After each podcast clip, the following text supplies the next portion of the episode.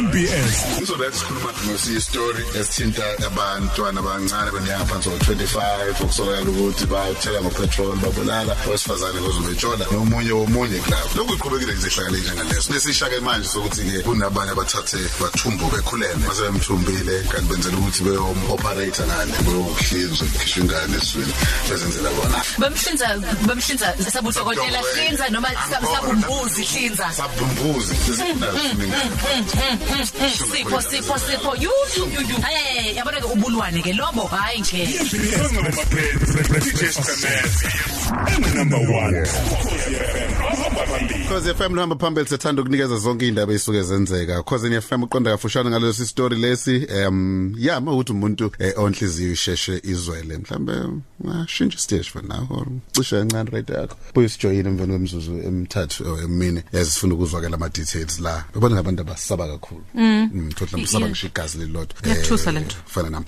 Cause FM sijoyinwa eh, njengamanje uKenela umtsholi Bhembe lapha emaphoyisini asempumalanga. Eh sikuvusela wena bekunene? Ngibingelele kakhulu ekhosini FM ngibingelele balaleli bakho eh ngize futhi ngibonge ukuthi nibe nami namhlekuseni abanye abantu uzwa indaba seyixoxwa ungazange uyiqonde. Wena usemaphoyiseni eh ninalo lolu daba lolu. Kwenzekeni ngalesi story la kutholakala wesifazane othunjiwe wakidnapwa emveni kwalokho baza ukukhipha ingane eswini sakhe? Oh okay yeah usho ukuthi eh ukuthi the around the, the about 2 weeks ago the Friday ngithi 13 Friday the 13 bamthatha lo ntombazana wa 20 years. The funny part noma lokumangalisaka ukuthi lo the, the women because lapha abafazi noma ngathi amadoda la la 3 then umfazi oyi1 so lo ma ke uanti wantombazana then nabalingani bakhe bamthatha ke from Sekunda bamkidnap bahamba naye baya naye endaweni yakase office eh bafike office bamkhiyela endlini erumini lelitsite lapho ke baye bambeka khona for several days.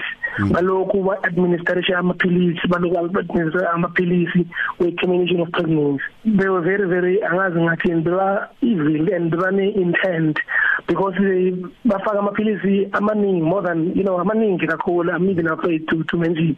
Balokhu ba ba unsuccessful unsuccessful unsuccessful. Ilokhu egcineni ke around about last week just before abaleka because khona escape on ngalesine levini liphelile Thursday yes base ke bakhona ukuthi baphumelele ke bakhiphe lo mntana lo bese ngakwathi ke ukuthi ke lo mntana uphume aphila or bese kashonile with naye self i-victim ayikhona ayikwazi ukuthi kwenzakaleni. Ekaphila ube kanjani.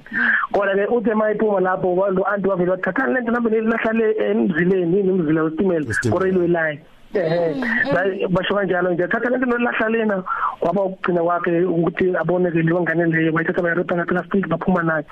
After sebaphumile ke untombazana noma untombazana uyawazama ukuthi azame ukulona wakhona ukuphumela ukuvula uvula umnyango. Waphuma wabaleka wafika ngasemgwaqeni Yes. ngenhlanze ke kwafika amasambri amahle bamnikeza ilift. Waze wayofika esekunda eh mase esekunda waya ku boyfriend makubaba wengane wathi la sekwenzeke 1 2 3 4 bathi ke baphuthumela ngasemaphoyiseni bareport indaba leyo. Amaphoyisa ke yazanga azadelay angene angenela i-investigation. Bonke boy 4 ba they were arrested baboshwa ngokusheshsha lokukhulu kakhulu.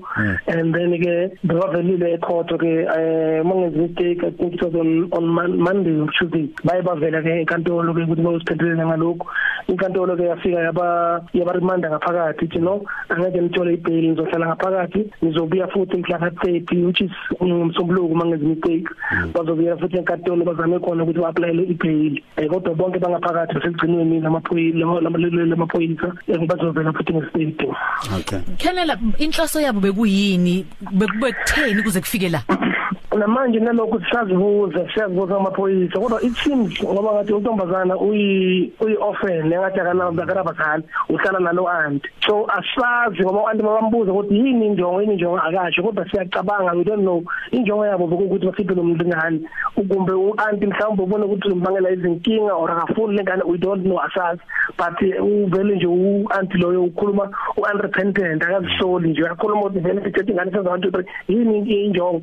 Asazi ukuthi kumbe vele ama ulterior motives amanye ngaphezulu kwalokho. Oh. because ngebhadi yabo kanye nenhlanhla embi yabo untombazana ubaleke basahambile bayolahla leyo ngane so asazi ukuthi bazothi mababuye bese bamenzani or bekukuthi just bakhipha ingane kuphela bafuna le ngane asazi we don't know namanje. Bathi umntwana bamenze njani u- u- ubese engakanani umntwana? Umntwana wesekhulile between 6 to 8 months vele ku- kungakho sivule uma wabheka sivule amacala amathathu sivule icala lokidnapper esavule icala lokubulala savule icala lokuzama ukubulala because naye self owe- beka ku risk ukuthi naye angashona naye self. So ingane nayo leyo sivele siyinede because already bese kuumuntu and then ke sekule kidnapping ukuthi bamthethe lapha yana asazi wathi bona bamphothe esiporweni kodwa amaphoyisa mawaye esiporweni ayomfuna lapho abayitholanga leyo ngane atholanga lutho Ngaqinisekisa ukuthi bonke laba bangama South Africans abala eNingizimu Afrika. Eh ababonga abanizo Afrika bangabokufika la nizwe Afrika yikho lokho ngakuqinisekisa ngisho kumanje Okay. Kana lasaba ngakhona isikhathi sakho selokhu siqhubeka nje nawe kwaze udaba lo lwama ama- abantu abaningi abazobe befuna ukwazi ukuthi kwenzeke njengalokhu lubucayi kangaka. namngelekile kakhulu kuba mina esikhatsini eh, nonke ikhuzini ngiyanithanda nonke ngalapho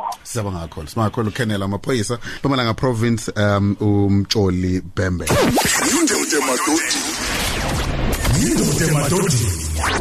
Iyavikela.